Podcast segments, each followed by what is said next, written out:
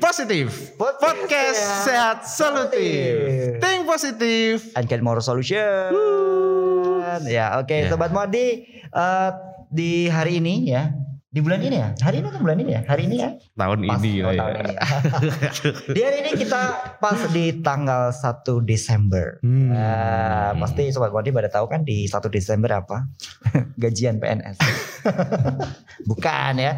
1 Desember itu tentunya dunia lagi memperingati hari AIDS sedunia ya, Waduh. jadi eh, tentunya seperti eh, konsep hari AIDS Kita, kita, kita akan ya. datangkan ya. Kita akan bahas tentang eh, AIDS. AIDS ya Nah, tentunya ini bukan hal yang eh, bukan hal yang tabu lagi di Hmm, masyarakat. bukan hal yang baru juga Ya, masyarakat harus tahu Hmm. ya kan. Ya, mungkin masyarakat yang kemarin berpikiran tabu, Dok, Hmm. ya kan. Ini harus tahu nih seperti apa sih eh, orang yang punya, mempunyai atau mengidap eh, HIV, HIV. itu ya. Tapi HIV AIDS yang kita bahas kali ini pada anak Mas Bius Wow. Waduh Wow. Kok bisa ya Nah itu, anak itu itu nanti akan kita AIDS kupas gimana ya? ya. Mungkin uh, kebanyakan di uh, sobat muardi atau masyarakat tahunya ini orang dewasa aja. Nah orang-orang yang itu itulah ya, Nah. Nah, pokoknya kok oh, AIDS uh, stigmanya masih di dalam oh mungkin nakal lah ini ya. Hmm. Taunya kan hanya sebagian informasi aja. Ya kan? Nah, kita akan kupas tuntas nih, Dok. Wah, Kita juga akan mendatangkan dua narasumber yang keren-keren. dua Ya pakar kan? Dua pakar ya. ya. Us, siapa ini? Gak usah lama-lama kita langsung aja. Oke, Heeh. Sobat Madik eh, di materi hari ini kita sudah kita kedatangan dua narasumber yaitu Dr. Husnia Auliatul Uma, spesialis anak Magister Kesehatan. Halo dok. Halo, selamat pagi. Selamat pagi menjelang siang. Suaranya banget ya. aduh. Terdengar di sini langsung aduh. Aduh. yes. Oke. Dan satu lagi Sobat Mondi, kita juga kedatangan eh, yaitu Bapak Yunus Prasetyo. Nah, beliau ini adalah ketua yayasan dari Lentera. Lentera. Selamat siang. Selamat siang Mas, semangat. Waduh. Semangat ya, Bro. Luar biasa sekali nih. Ya, Pak jadi Yunus kita nggak akan ini ya, apa namanya karena beliau ini sangat semangat sekali. Kita langsung aja sama beliau deh. Wah, ah, Dokter. Husni nanti ya dok ya. Padahal udah dilembut-lembut udah dilembut-lembutin. ya, eh, Pak Yunus, Ya. eh, sebenarnya saya juga eh, baru kali ini, mungkin bukan kali ini sih, eh, sebenarnya udah sering dengar tentang Yayasan Lentera nih, Ya. Pak. Ya. Tapi Ya. kan eh, kita belum banyak eh, informasi eh, Yayasan Lentera itu apa. Mungkin masyarakat eh, juga banyak yang belum tahu nih. Sebenarnya eh, dan sobat Muardi tentunya juga belum tahu Yayasan Lentera itu apa. Hmm. Ya, ya. Sebenarnya apa sih Pak Yayasan Lentera itu Pak? Ya, Yayasan Lentera itu salah satu lembaga non pemerintah ya. Hmm. Atau istilah awamnya itu LSM dan sebagainya lah. Hmm. Sebutkan itu ya. Dan memang kami itu lembaga yang independen. Jadi tidak di bawah lembaga keagamaan, bukan di bawah partai politik ya. Tapi kami memang murni organisasi masyarakat yang bergerak di isu eh, kesehatan masyarakat.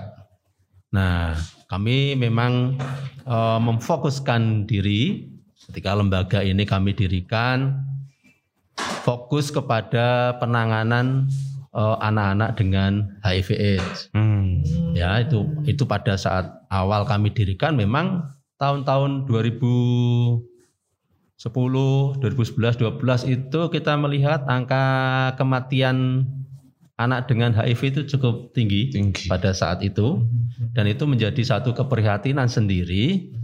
Kenapa banyak anak dengan HIV banyak yang meninggal? Hmm. Ini akhirnya kita buat sebuah kajian sederhana, ya. Kenapa seperti itu, gitu. Bersama tim saya buat eh, eh, kajiannya. Ternyata salah satunya adalah bahwa terjadi resistensi ARV, gitu ya. Hmm. Gagal terapi Oh. ketika anak-anak ini dirawat dengan keluarga besarnya. Oh. Terlebih ketika anak dengan HIV ini pada saat itu berstatus yatim piatu. Hmm. Jadi ketika dia sudah yatim piatu, kemudian dirawat oleh keluarga besarnya, Hmm. bisa oleh kakek, nenek, ataupun Pak D, Om dan sebagainya, Hmm. ternyata ada eh, informasi yang terputus. Kadang-kadang dulu bahwa status anak ini tidak disampaikan atau tidak diberitahukan ke keluarga besarnya. Hmm. Kalau anak ini sakit terinfeksi HIV. Oke. Jadi ketika orang tuanya meninggal, yang melihara nggak tahu Kalau Hmm. anak kalau anak ini terinfeksi HIV. Yang merawat Sehingga apa? Lu wong sehat kok ngombe obat terus. Akhirnya obatnya di di stop. stop. stop. Oh. Itu karena nggak ada informasi yang menyambung ke keluarga besar yang merawat berikutnya gitu. Sehingga ini terjadi eh, banyak kasus kematian di anak-anak. Sehingga saya bersama teman-teman ya oke lah mari kita coba untuk sedikit eh, menutup gap yang ada di negara kita ini untuk eh, program anak-anak dengan HIV pada saat itu memang sangat sangat sangat kecil ya Eh, peran dari pemerintah maupun lembaga-lembaga donor ataupun lembaga-lembaga swadaya masyarakat yang ada di Indonesia ini jarang yang menyentuh program penanggulangan HIV ini kepada anak-anak. Hmm. Padahal kalau kita sadar bahwa anak-anak ini adalah dampak dari epidemi HIV gitu. Oh. Ya kan? Ini ada korban. Saya katakan korban karena dia nggak tahu apa-apa kok. Dia bukan pelaku. Dia korban ketika dia lahir, ya kan? Sudah ada virus HIV di tubuhnya gitu. Oh. Ketika dia sudah besar, komplain dia. Iya. Beberapa anak saya yang di panti di tempat saya itu protes. Protesnya ke, ke saya, panggil saya kan ayah. Ya, lah kenapa kok harus saya? Aduh. Hmm. Kenapa enggak teman-temanku? Kenapa harus saya? Gitu. Bisa dibayangin kan? Karena ini Wow. mereka sudah SMP, SMA, dia sudah Sudah mulai berpikir. berpikir eh, bahwa dia korban. Kenapa harus dia?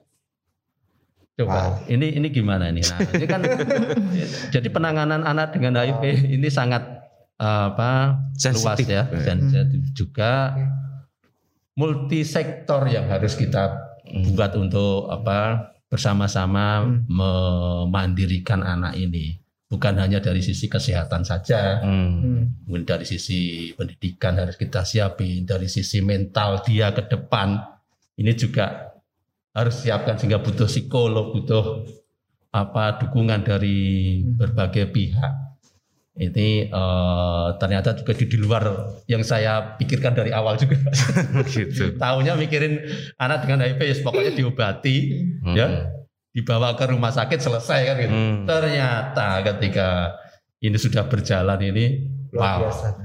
Setelah dia setelah nggak jadi anak lagi terus gimana? Oh. Saya harus mempersiapkan desain program pasca anak sudah jadi dewasa dan pas yang kemudian fase antara dia umur 18 sampai fase dia menjadi orang yang mandiri. Hmm. Ini butuh desain program yang tidak mudah kan gitu butuh butuh biaya yang besar juga Ya. Butuh Ya. support juga ya Butuh Pak ya. support juga. Support yang kuat, betul. Karena merasa karena merasa uh, si anak ini yang menganggap Pak Yunus itu adalah seorang ayah, ya sudah nggak punya siapa-siapa tidak lagi. punya siapa-siapa betul. lagi dan memang Betul, betul. status semua memang yatim piatu Luar biasa. ini juga itu kenapa saya sampai eh, mendirikan ini bersama teman-teman tiga orang pendiri itu dan memang kami tidak tidak salah langkah ternyata Ya. ketika saya mencoba untuk eh, membuat ataupun membangun ini ternyata di Indonesia pun juga baru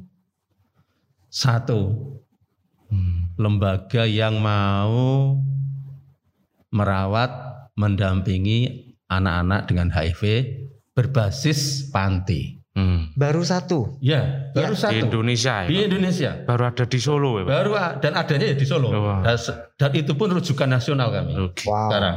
Wow. Jadi bukan hanya dari anak Solo. Kalau dari 39 anak sekarang yang ada di tempat kita hanya empat anak yang dari Solo. Solo. Yang lain dari DKI, dari Jawa Timur. Yang ya, saat ini ada Pak. bisa. Yang saat ini uh, menghuni di situ juga uh, dari DKI. Oh iya, Oh, yang Jadi, dari, yang da- dari Solo empat orang. hanya empat orang aja. Hmm. Yang lainnya tuh dari luar kota, dari Papua ada, Oh, dari, dari Papua. Batam Oh, ada, Indonesia. ya. Wow. Kalau eh, itu Pak tadi apa namanya istilahnya kan nggak cuma ngobati tapi juga pandangan masyarakat sekitar terutama Hmm. lentera ini ya di, gimana pandangan masyarakat sekitar tentang Ya, Saat-saat mau mendirikan. betul. Hmm. Pada saat awal, mungkin kalau dihitung jari udah nggak cukup ya. Ketika saya harus menjelaskan berapa kali kami ditolak di masyarakat. Banyak Pak berarti, banyak penolakan. Sering dulu ya. Hmm.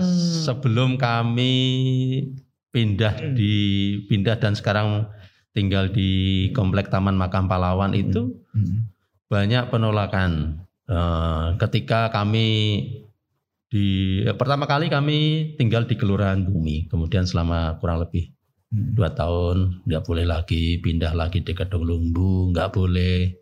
Wow. Kemudian di Purwasari nggak bisa diperpanjang lagi karena memang eh, masyarakat memang ini ya kami nggak menyalahkan masyarakat tapi Oke. pemahaman ataupun Ya. ini tentang HIV, HIV itu tidak tidak mudah ya. Betul. Itu saya melihat karena memang itu sebetulnya stigma dan diskriminasi itu ada. Betul. Itu bukan karena penyakit tapi karena dari mana dia dapat itu. Iya. Mungkin dia membacanya informasi yang tidak lengkap, Pak. Hmm. Informasi yang seperti saya bilang itu turun menurun. Ya, Nah, seperti itu ya. turun menurun dan juga Mm-mm. dari awal Mm-mm. ya dari awal nggak tahu apakah ini memang terlalu dilebih-lebihkan dulu bahwa Hmm. ini kan penyakit yang eh, mematikan yang berbahaya kemudian apa Menular dan menular ya. susah diobati tidak ada Ya. obatnya Ya. itu kan berarti kan masyarakat sudah takut kan Ya, betul. ditambah lagi ditambah lagi Mm-mm. Mm-mm. penularan HIV ini kan eh, karena perilaku yang mungkin tidak lazim. Negatif. Betul. Jadi negatif itulah sebetulnya yang menimbulkan Betul. stigma gitu. Ya, betul. iya, betul. Itu. Coba kalau misalkan kayak ini mungkin yang lain atau penyakit gula, penyakit ini kan sebenarnya kan sama aja beratnya kan dengan Sama mematikan juga. tapi tapi ya sama matikan Gula sama juga, ya kan? Jantung apalagi. Tapi mereka nggak di stigma. Iya. Nah, benar. Karena itu mungkin karena akibat pola makan, akibat pola ini hidup. itu enggak. Tapi coba misalnya penjenengan kita sakit stroke karena jajan atau karena kita sering ke mana, itu pasti stigma tuh. Coba aja. Iya kan? Jangan Pak, Iya. jangan dicoba Pak. Jangan coba. Bahaya, Pak. Ya, itu karena jadi ternyata kalau saya lihat stigma Iya. diskriminasinya itu karena perolehannya sebenarnya. Hmm, oke. Coba bukan karena seks yang berganti-ganti pasangan tanpa kondom. Coba bukan karena Narkoba. narkoba. Coba bukan karena eh, teman-teman yang suka sejenis misalkan. Itu enggak ada stigma pasti. Coba itu karena makan jeruk ke- kebanyakan terus sakit AIDS misalnya itu itu enggak apa-apa itu pasti enggak enggak bakalan di stigma itu. Tapi ternyata ya eh, dari dari penjelasan Pak Julius ini, Dok ya, eh, Pak, ternyata waktu pas pertama kali mendirikan Yayasan Lentera itu memang luar biasa ya, Pak. Memang luar biasa eh, Tantangannya. tantangannya. Pak. Iya. Ya kami dulu ya tahun 2013 eh, kita dirikan Lentera itu tanggal 4 Desember tahun 2013. Sementara saya sudah merawat anak itu eh, akhir tahun 2012. Hmm. Jadi sudah setahun saya merawat tiga anak Hmm, hmm. itu baru tanggal 4 Desember 2013 Hmm. ini saya buat lembaga Hmm. bersama teman-teman dan itu pun ya kami sembunyi gitu.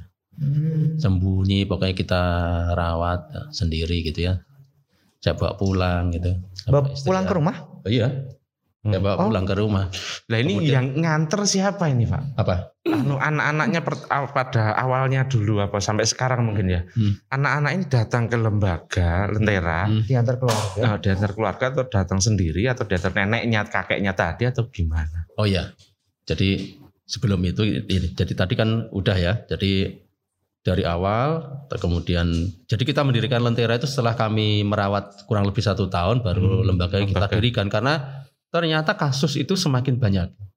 Sehingga kami Oke. ya ini harus kita buat satu lembaga resmi berbadan hukum ya legalitas hukumnya kami buat kemudian surat izin operasional juga kita buat cuma kami masih sembunyi pada saat itu tidak berani untuk terbuka karena kalau ketahuan tetap nanti menjadi sebuah masalah Hmm. Tuh. Dan akhirnya memang benar itu terjadi penolakan-penolakan termasuk kalau masalah sekolah Mas, wala itu udah beberapa kali itu pindah itu. Kalau sekolah ketahuan, oh ini Hmm. anak HIV di Lentera. Udah pindah lagi ke sana lagi, pindah lagi itu sering. Tahu kalau misalnya bisa dikatakan oh anak lentera Ya, gitu. iya, gitu ya, Pak. kan kadang-kadang kan anak saya juga anak-anak itu kan ngomong ya. nggak bisa di Hmm. dari mana kamu kamu tinggal di mana? Lentera kok. Anak-anak kan jujur Ya jujur. Ya, ya. Akhirnya langsung di Ya udah tahu. Ah, udah tahu. Tapi sekarang Pak, di saat ini kan dulu kan mungkin ini. Di saat sekarang kalau misalnya anak itu sekolah, apakah masih dapat perlakuan eh, dijauhin seperti itu? Ya, kalau bulinya sudah nggak seperti dulu ya. Enggak seperti Nggak dulu ya seperti Pak. dulu karena memang eh, Karena perkembangan zaman perkembangan berarti zaman, kemudian pihak sekolah juga sudah eh, apa menerima dengan baik dan paham hmm, oke. dan juga tahu juga kalau pihak sekolah memang tahu posisi ataupun status anak. Dan kemudian yang tadi tentang anak-anak sekarang yang ada di Lentera itu atau diantar atau bagaimana? itu sebagian besar rujukan dari dinas sosial. Oh. Jadi justru dari dinas sosial di dinas sosial eh, pemerintah kota di beberapa tempat itu merujuknya anak dengan HIV itu justru ke tempat kami Oh my God. gitu. Jadi tidak malah kalau ada orang datang pribadi datang, tolong dong ini dirawat anaknya masih tolak. Hmm. Berarti kan kesannya kan orang ini mau membuang anak kan? Tidak mau saya. Oh Tidak, ya. tidak Gitu boleh. ya. Jadi kamu pulang ke daerahmu, dis, apa, coba diskusikan dengan Betul. pemerintah daerah setempat. Betul. Kalau masih bisa di eh, cari jalan keluarnya, biarlah itu dirawat oleh keluarga besarnya dulu. Betul. Karena anak itu lebih bagus Dirawat dirawat oleh keluarga. Ya. Tapi kalau memang tidak ada alternatif lain, Hmm. dan itu memang alternatif terakhir, Mm-mm. silahkan dirujuk ke Lentera. Gratis. Gratis Pak. Saya tidak minta duit. Pembayar tidak minta. Oh. Bawa ke sini ya bawa habis itu ini ya kita kasih makan, kita kasih pendidikan sama mereka. Nggak ada Wah, bayar tuh nggak ada. Oke. Iya. Wow. Ternyata Nah, ini ya, sobat Muardi ini eh, ini informasi sangat penting sekali ya. Ya. Yang kemarin itu belum paham bagaimana eh, perkembangan saat ini eh, HIV yang pada anak dan prosesnya itu seperti apa. Jadi eh, sobat Muardi harusnya lu harus berpikir terbuka ya Hmm. sekarang. Informasi sekarang sudah banyak di genggaman ya kan. Tapi jangan salah ya kan, jangan salah. Takutnya nanti salah malah terjadi stigma yang lebih parah lagi. Jangan setengah-setengah. Jangan setengah-setengah. Nah, kalau misalnya mau full langsung kita ketemu dengan Dokter Husni. Iya. kita bicara secara medis nih dok ya. Ya. Eh, dok, eh, untuk perkembangan eh, HIV anak di Indonesia dok, apakah saat ini eh, meningkat dok? Apakah ada peningkatan terus eh, setiap tahunnya? Jadi kalau eh, kita menilai angka ya, menilai angka itu sebenarnya kita ti- eh, berdasarkan laporan saja. Hmm. Tapi sebenarnya kalau misalnya melihat kasusnya aslinya mungkin barangkali seperti gunung es yang kita tidak tahu Ya. Hmm. jumlah Iya, pastinya iya, berapa ya. Tapi kalau eh, dilihat dari datanya sebenarnya secara garis besar kasus di Indonesia itu eh, cenderung meningkat dua tahun ini ya dibandingkan 2019 itu kan agak rendah kemudian eh, sekarang mulai ada eh, sedikit peningkatan Hmm. gitu. Oke, oke. Jadi apakah eh, Hmm. bisa dikatakan sudah di angka khawatir nih? Khawatir maksudnya darurat eh, HIV anak dok untuk saat ini. Bisa dikatakan seperti itu atau bagaimana? Ya, kalau eh, darurat apa tidak ya memang eh, ka- kita kan harapannya kan terjadi kasusnya kan menurun ya, menurun Betul. banyak di tahun 2020 ya. Betul, Tapi betul. ternyata angka tersebut tidak tercapai. Oh. Akhirnya eh, targetnya dimundurkan lagi sampai 2030. Hmm.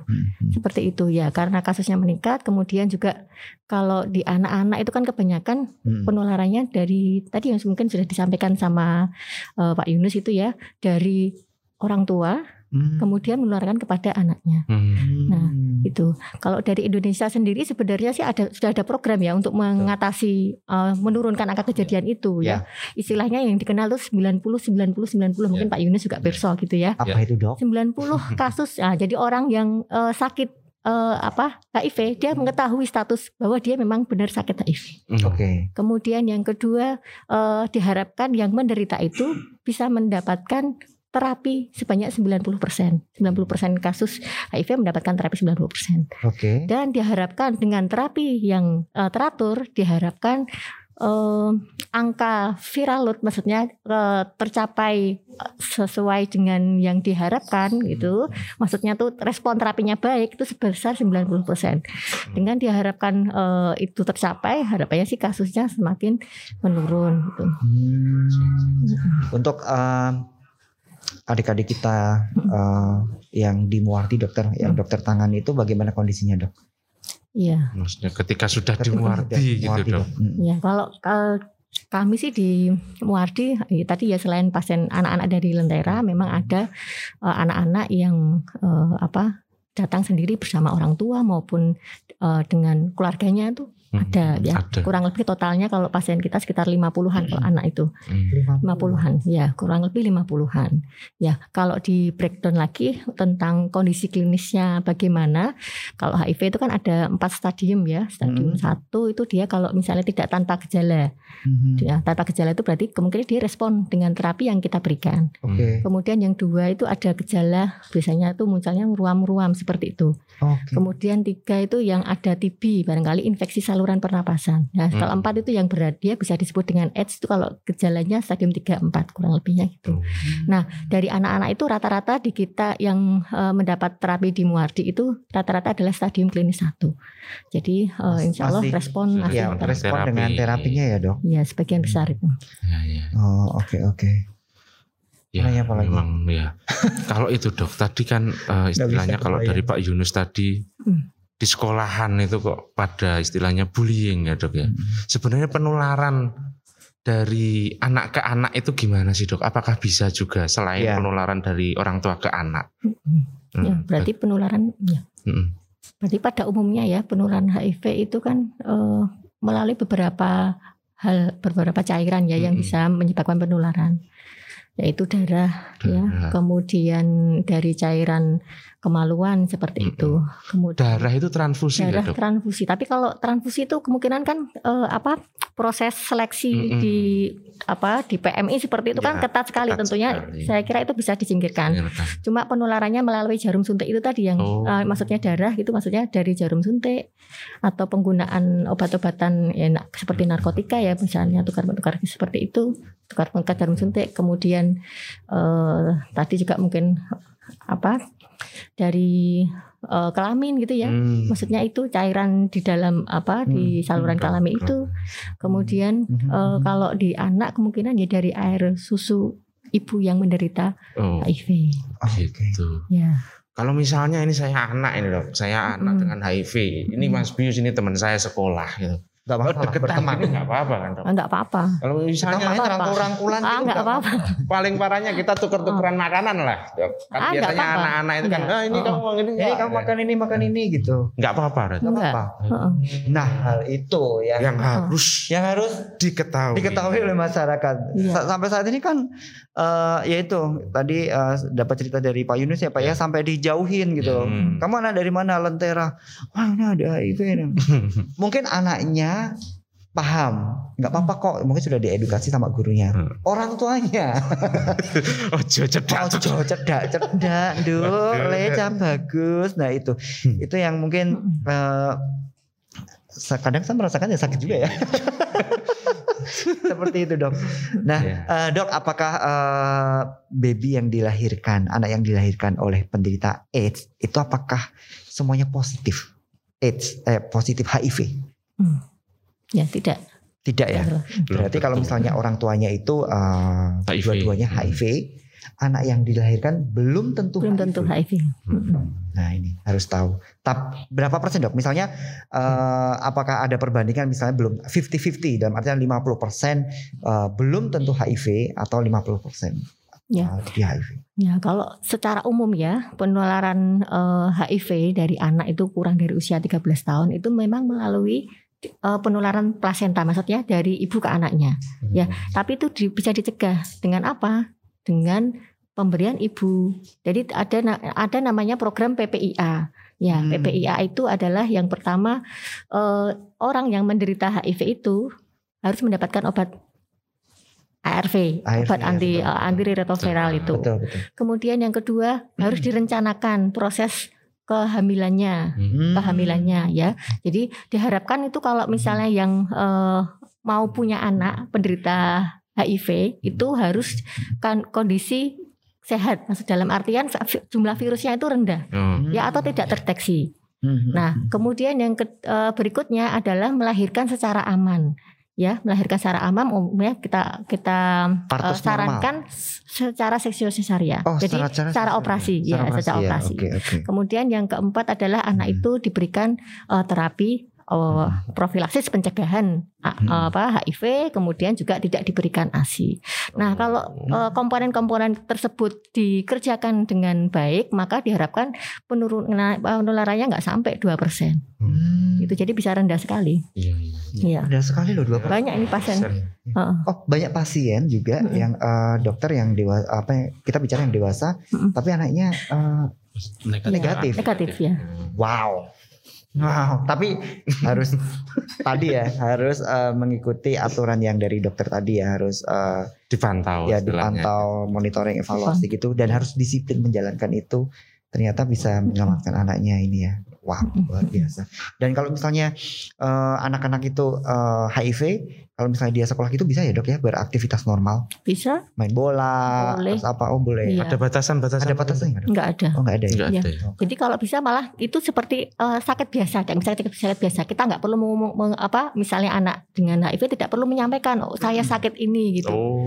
Tidak perlu dianggap aja sakit biasa, nggak usah perlu diceritakan, nggak seorang seorang oh oke beraktivitas seperti anak-anak lainnya. biasa Ya. oke Ya. nah ini yang yang eh, banyak dok Mhm. yang ini yang harus paham juga ini ke eh, teman-teman kita juga eh, ke- apa namanya untuk eh, sobat muarti dan ini harus tahu ini. ini kita viralkan loh ini harus loh karena ini Viral. penting banget untuk informasinya betul nggak Pak Yunus Iya, Ya? benar. saya merasa kalau misalnya saya di posisi Pak Yunus ini ini air yang hebat Oh, iya. sudah berapa orang Pak saat ini yang eh, anak-anak di sana Kalau saat ini Oh, saat ini ya. Saat ini ya. Saat ini nih ada 39 anak yang kami rawat di dalam jadi tinggal menetap dengan kita. Itu terbagi dari paling kecil Pak umurnya yang paling kecil ada bayi. Tapi begini, dari dari 39 itu 29 anak itu memang berstatus HIV positif. Hmm. Kemudian yang 8 anak ini anak yang terdampak. Nanti saya jelaskan terdampak seperti apa. Kemudian yang dua itu ada memang ada bayi tapi itu bayi titipan dari kehamilan yang tidak dikendaki. Hmm. Nah, 8 anak yang terdampak ini artinya itu dari ibu yang HIV positif, Hmm. tapi ibunya memang sudah meninggal, kemudian bayinya kami rawat. Hmm. Sekarang anak itu setelah kami rawat dan kita tes viral load selama dua kali itu negatif tidak terdeteksi Oh. hasilnya, sehingga bisa kita sampaikan 8 anak ini tidak tertular tidak tertular HIV dari ibunya walaupun ibunya itu HIV HIV. positif.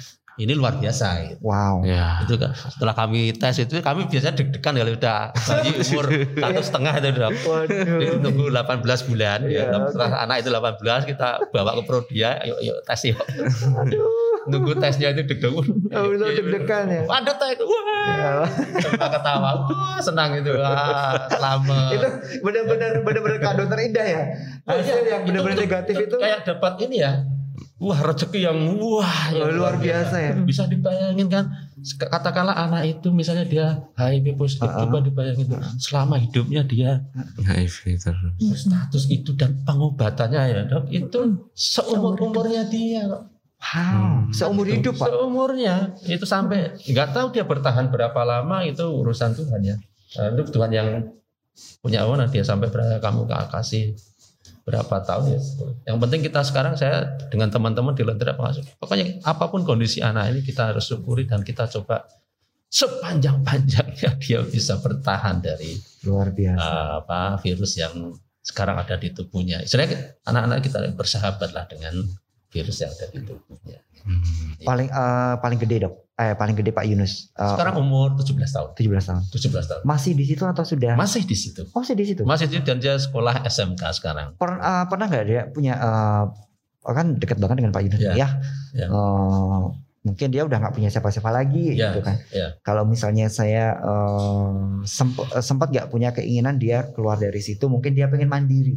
Ya. Sempat ngobrol sama Pak Yunus. Sudah, jadi eh, ini anak kita yang SMK ini ya sering diskusi lah, kita aja ngomong gitu ya. Tapi semangatnya yang anak saya yang besar cewek ini dia ambil Perempuan Pak.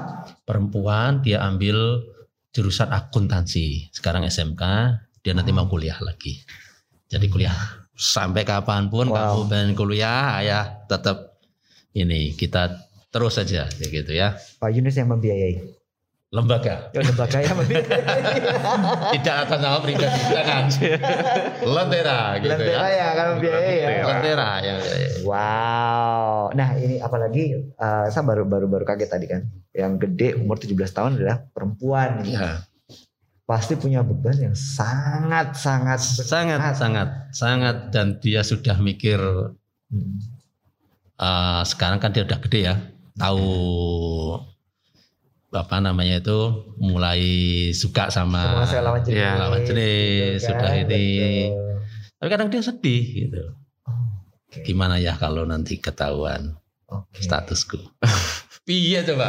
Kalau kalau itu jawabannya, ayo dok, ayo tolong aku dibantu jawab. Ya benar. Lah ya, aku suka tapi piye? Kalau apel ke sini piye?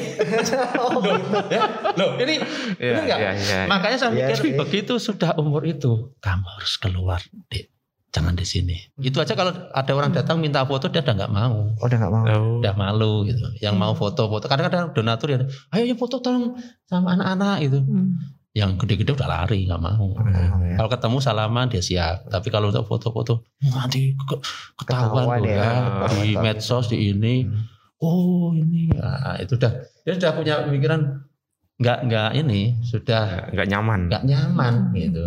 Dia Wow. tinggal di situ juga agak nyaman kan. Waduh ini saya juga harus mikir ini ah, harus saya harus mungkin punya tempat baru untuk anak-anak yang sudah tidak anak lagi kan, Hmm. sudah dewasa dan mungkin desain programnya sudah berbeda sama anak-anak gitu. Mungkin saya harus nyiapin ini dok psikolog juga barangkali kan. Hmm. Ini kan saya butuh nih. Ada kan psikolog, harus butuh psikolog untuk dia mendampingi eh, apa perkembangan psikisnya. Hmm. Kalau enggak kan itu kan sempat ya ini aneh saya ceritakan ini yang gede ini itu yang sempat down itu. Kenapa harus saya? Wow. Kenapa keluarga menolak saya? Eh tapi Gitu. masih punya keluarga. Ada keluarga besar semua anak yang di situ saya belum jelas. Semua anak yang terstigma dan terdiskriminasi baik dari keluarga besarnya maupun dari masyarakat di lingkungan tempat tinggalnya. Oh, Hmm. yang dewasa tadi, Iya. yang, yang tadi Ya punya punya tapi kakek nenek kakek nenek sudah kakeknya punya Pak D, Bude, Om punya semua. Tapi ya udah, enggak mau. pernah jenguk apa?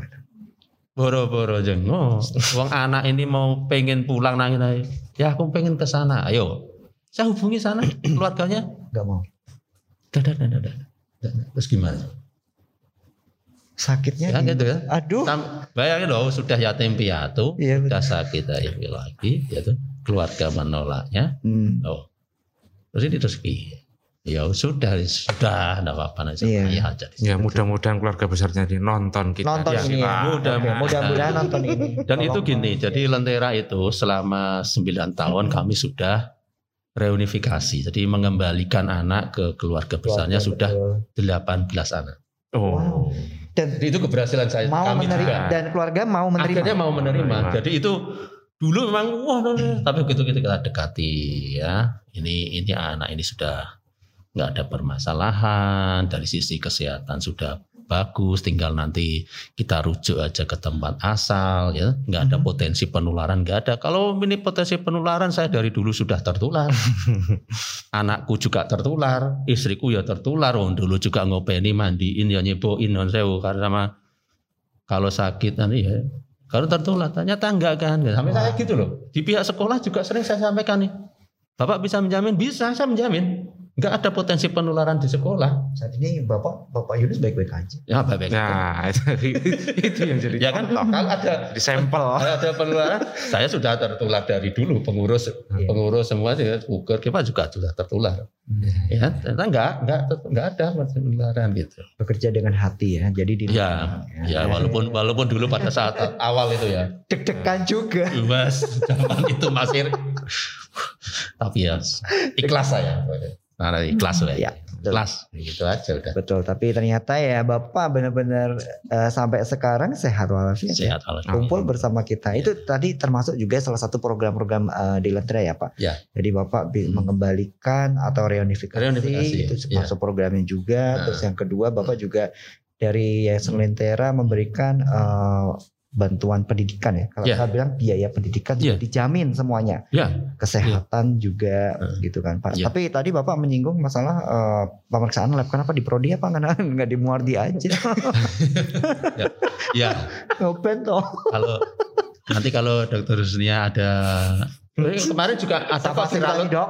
Kita viralot kita juga sering kok sering Iya. juga. tapi sempat juga saya ada program dari sana ada yang biayai Oh, alhamdulillah. Dan satu lagi, mahal loh itu viralot itu Oh iya. Mahal, mahal. satu lagi kalau misalnya tadi eh, Pak Yunus bilang eh, ada pendampingan psikologi. Kita juga punya psikologi. loh. ah ini Kita punya justru- psikolog loh. Betul. Justru kalau nanti ini Dokter jiwa punya. eh, kami punya. but- butuh juga dukungan untuk program itu dok dari teman-teman juga di Muwardi ada kebutuhan untuk eh, konseling gitu. ya. Hmm. Ya, Konseling buat anak-anak. catat. Saya sebenarnya ini eh, ini dok. Jadi saya mungkin kita akan programkan yang untuk kebutuhan anak-anak yang eh, ini apa namanya itu Eh, program yang karena dia sudah menginjak dewasa. Mm. Untuk perempuan ini kan butuh juga eh, program eh, apa ya untuk uber dia. Ini sudah apa menginjak ini dia harus paham tentang dirinya. Itu apa ya namanya program apa gitu. ya? Cash Pro. Oh, Jadi kita butuh reproduksi. program untuk kesehatan Kesehatan reproduksi Oh, oke. baik untuk cowok dan juga cewek. Nah, mungkin suatu saat juga kami akan butuh narasumber program dok. untuk narasumber untuk uh, anak-anak kami yang karena sudah sekitar 15 sampai 16 yang remaja Hmm. di tempat kita itu udah ya udah gede-gede gitu. Gak apa-apa. Butuh butuh cash flow Iya. juga. Iya. Ini nggak apa-apa Pak Yunus kita gali semuanya. Nanti Hmm. kan eh, dengan Dokter Usnia mumpung di sini kita kerja sama dok nanti dok dari bagian promkes dengan humas sama ya kan. Humas. Oke, kalau saya dari bagian keuangan nanti saya bisa bicarakan dengan eh, Pak Wadir deh. Ya. Nanti seperti apa sih programnya? Hmm. Karena eh, ini menjadi inovasi kita, loh. Wah, ya kan menjadi menjadi inovasi Dokter. Muardi gitu. Iya. ya. Oke, dan kita kembali ke Dokter Husni. Ya. Asik. Pengobatan dok sekarang Oke, dok. Mm-mm, proses pengobatannya Dan anak sama dewasa, terutama untuk HIV AIDS, sama nggak? adakah perbedaan? Adakah perbedaan? Hmm. atau- Ya sebenarnya hampir sama ya. Hampir sama. Hampir sama, heeh, hampir sama. Cuma kalau eh, anak-anak itu dia dibagi menjadi kalau yang trans sekarang tuh tiga pengo- jenis pengobatan berdasarkan usianya. Hmm. Ya, jadi dibagi-bagi. Kalau dewasa kan sama semuanya. Kalau anak itu dibagi. Ada usia kurang dari tiga tahun, pilihan obatnya sendiri. 3 Hmm. sampai 10 tahun sendiri, di Hmm. atas 10 tahun sendiri. Hmm. Oh. Ya, itu. Hmm. Tapi eh, pada dasarnya hampir sama Hmm. jenis-jenis obatnya. Hmm. Itu. Kemudian eh, satu lagi yang profilaksis untuk bayi baru lahir itu pun beda, anu, ada sendiri. Hmm. Oh, Hmm. pencegahan Betul, dok. ya. Iya, beda ya. Tapi itu eh, istilahnya pengobatan sampai kapan dok? Bisa nggak sih dok sembuh? Hmm, seumur hidup. Semur Pengobatannya memang seumur hidup. memang terkontrol Seumur harus terkontrol ya Dok. dok ya. Ya, Wow. kalau kita eh, kalau HIV itu kan infeksinya apa namanya? eh, terus apa, apa terus menerus ya sebenarnya terjadi terus menerus Hmm. Eh, penyakitnya ada di dalam tubuh terus menerus Hmm. dan obat antivirus antivirusnya itu hanya bisa untuk mengendalikan eh, yang ada di dalam darah tapi di dalam sel itu tidak bisa kita eh, atasi Hmm. itu tidak bisa di se- sejauh ini belum ada pengobatan maksudnya itu ya mungkin harapannya nanti ke depan kan semoga aja ditemukan eh, perkembangan penelitian semakin maju jadi bisa ditemukan obat yang bisa mengobati eh, secara tuntas Amin. infeksi Amin, HIV. amin. Wah, Tapi obat tersebut mm. saya mungkin eh, orang awam ya dok ya. Kadang masyarakat, eh, saya sebagai masyarakat aja, Hmm. banyak makan obat nanti ginjalnya kena kayak gitu. Apalagi itu harus Hmm. mengkonsumsi antivirus seumur hidup. Hmm. Apakah aman? Ya kan kita pantau, Oh, kan kita Hmm. pantau. Jadi eh, kalau seperti anak lentera atau maupun pasien yang lainnya kita minta kontrol setiap bulan. hmm. Kita evaluasi klinisnya bagaimana, kita pantau eh, labor bila ada gejala atau keluhan mungkin kita lakukan pemeriksaan laboratorium dan eh, kalau anak-anak sendiri sih dilakukan pemeriksaan rutin itu setiap enam bulan sekali kita lihat bagaimana profil labnya, kemudian juga eh, status dari apa kekebalan tubuhnya seperti apa kita pantau setiap enam bulan. Nah itu harapannya sih ya tidak ada komplikasi sampai ke sana. Hmm. Kalaupun eh, misalnya ada gejala Hmm. itu eh, langsung kita lakukan eh, penggantian obat Hmm. seperti itu. Jadi eh, tidak sampai terjadi komplikasi. Oke, baik. Ya, Dan langsung ke Pak Yunus ya. Mm-mm. Kita Pak Yunus lagi nih. Kita lempar-lemparan aja. lempar sana, lempar sini. Eh. Tapi ini semoga Ya. bisa diharapkan semua uh, sivitas uh, hospitalia atau enggak sobat Muardi paham nih masyarakat paham nih bagaimana sih uh, untuk pencegahannya, uh, proses pengobatannya seperti apa dan sekali lagi ya pesan kita ya jangan takut gitu loh. Ya. Jangan takut berteman Mm-mm. dengan uh, adik-adik kita ya karena kita di sini anak adik-adik kita yang nanti. Nah, untuk Pak Yunus nih uh, kontribusi apa sih yang bisa diberikan masyarakat untuk Lentera tentunya? Ya, yang utama sih eh, ini ya. Tolong untuk mereduksi stigma dan diskriminasi. Ya. Jadi itu faktor utama. Mm-mm. Karena tadi juga ada eh, panjang lebar kita bicara bahwa eh, faktor atau risiko penularan HIV terutama di anak ini sangat kecil sekali. Hmm. Apalagi eh, ketika anak ini sudah terapi ARV, Mm-mm. kemudian dia juga sampai ke level tidak terdeteksi, Hmm. itu sudah tidak ada potensi penularan sama sekali. Sudah tidak ada. Hmm. Ya, termasuk orang dewasa juga sama. Orang Hmm. dengan HIV orang dewasa ketika Hmm. dia terapi terapi ARV-nya berhasil dan Hmm. sampai uh, undetect itu tidak sudah tidak ada potensi penularan lagi Hmm, Oke. gitu. Nah, ini yang mungkin bisa dipahami oleh masyarakat kenapa uh, beberapa uh, organisasi LSM itu bergerak untuk menjangkau sebanyak mungkin tadi uh, 90% orang yang dengan HIV itu harus kita jangkau, kita cari dan kita obati.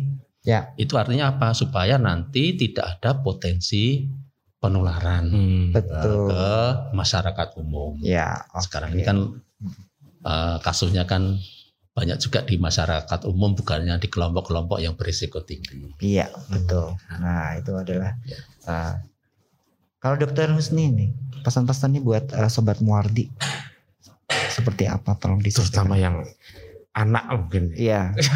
Terutama kalau misalnya uh, ada yang mungkin orang tua yang sebenarnya uh, anak ini uh, sudah terdeteksi gitu. Seperti apa dok nanti? Pesan-pesannya. Em, yang paling penting adalah eh, memberikan support ya, Support. memberikan support Berikan ya support. bahwa anak-anak itu s- apa eh, sebagian besar kasusnya kan merupakan korban dari orang tua mungkin Ya. seperti itu dan Ya. dan eh, kembali lagi mungkin kita perlu memberikan eh, edukasi barangkali atau pengertian ke masyarakat bahwa Mm, penularannya itu tidak mudah HIV itu Hmm, penularannya betul. tidak mudah betul. ya seperti yang tadi sudah saya sampaikan ya eh, apa namanya kalau hanya sekedar apa eh, bersalaman seperti itu tata laksa apa Mm-mm. eh, interaksi sosial seperti biasa itu tidak akan menyebabkan terjadinya penularan itu penting Mm-mm. diketahui ya mungkin perlu eh, kita memberitahukan sekaligus kita mengulang-ulang itu lagi Betul. itu Betul. sehingga masyarakat eh, sama-sama tahu Mm-mm. bahwa eh, HIV itu bisa di eh, apa namanya eh, tidak perlu menghindari jadi Mm. hindari penyakitnya jangan hindari Orang. orangnya Ya. itu Betul. Oke, baik. luar biasa sekali. Waduh, saya dengan dengan penjelasan dari Pak Yunus, saya bisa membayangkan satu, aduh, eh lo jiwanya Pak Yunus ini benar-benar seorang ayah punya anak yang banyak Hmm. eh, Dan juga punya keluarga dan punya juga keluarga loh. juga ya. Ya, jadi harus wow. Ya kita harapkan malah malah sobat Muardi bisa kayak Pak Yunus ya, Bro. Hmm. Jadi bisa langsung mengayomi, Mm-mm. bisa langsung memberikan kasih sayang, supporting yang paling penting. Mm-mm, ya. Sekali lagi tadi saya uh, kutip pesannya Dokter Husnia nih, hindari penyakitnya gitu kan. hindari penyakitnya, terus uh, jangan hindari orangnya Hmm. gitu loh. Dan bagi Civitas Hospitalia Sobat Muardi dan masyarakat sekitar yang nanti menonton di podcast ini ya, kalau misalnya mau berdonasi di Yayasan Lentera yang ada di Kota Solo Surakarta tercinta ini nanti ada kok di samping atau bawah nih? oh, di bawah. Wah. Oh di bawah sini, oke. Nanti ada ya, nanti ada. Silahkan nanti eh sedikit saja atau mungkin eh, banyak juga boleh atau mungkin eh, memberikan supporting kasih sayang dan bisa datang ya Pak ke Yayasan Bisa. Oh bisa datang nanti seperti apa? Tentunya di sana sudah ada pengurusnya. Tentu saja nanti dibikin jadwal yang sesuai dengan aturan yang berlaku. Eh, masyarakat dan sobat Muardi bisa langsung eh, berinteraksi Saksi. uh, dengan adik-adik kita yang ada di sana. Oke, baik dengan demikian berarti uh, kita sudah satu jam ya, nggak nggak terasa. Kita Terasa, aku sama kamu mesti nggak terasa terus ya. Ngomong aja, ngomong aja. Oke, sobat Mardi uh, berarti sudah selesai untuk uh, materi pada kali ini. Tentunya jangan uh, lupa untuk selalu uh, menyaksikan uh, positif ya di YouTube ada dan mendengarkan uh, podcast kita di Spotify juga ada ya kan. Terus jangan lupa di uh, Instagram kita juga ada ya IG R- RS Muewarti gitu ya. RS. Mue ya kan kerjaan lama. Ah, Oke, berarti Muardi Wai. Muardi itu Wai juga ada programnya. ya. Banyak banget program-program yang ada di Muardi. Tentunya eh, berarti kita akan ketemu lagi di materi tahun depan. Kan ini Desember bro. Oh, Ya kan? iya. Di tahun depan akan lebih seru lagi. Siapa tahu kita bisa mendatangkan orang-orang yang eh, luar biasa, Pakar-pakar eh, pakar-pakar yang sangat luar biasa juga. Baik, terima kasih. Berarti eh, selesai sudah untuk acara kali ini. Eh, Jangan lupa selalu jaga kesehatan. Akhirul salam. Wassalamualaikum warahmatullahi wabarakatuh. Tetap dengarkan positif. Podcast Sehat Solutif. Terima kasih. positif. Kan Get More Solution. Terima kasih Dokter Husni. Terima kasih Pak Terima kasih. eh, Yunus.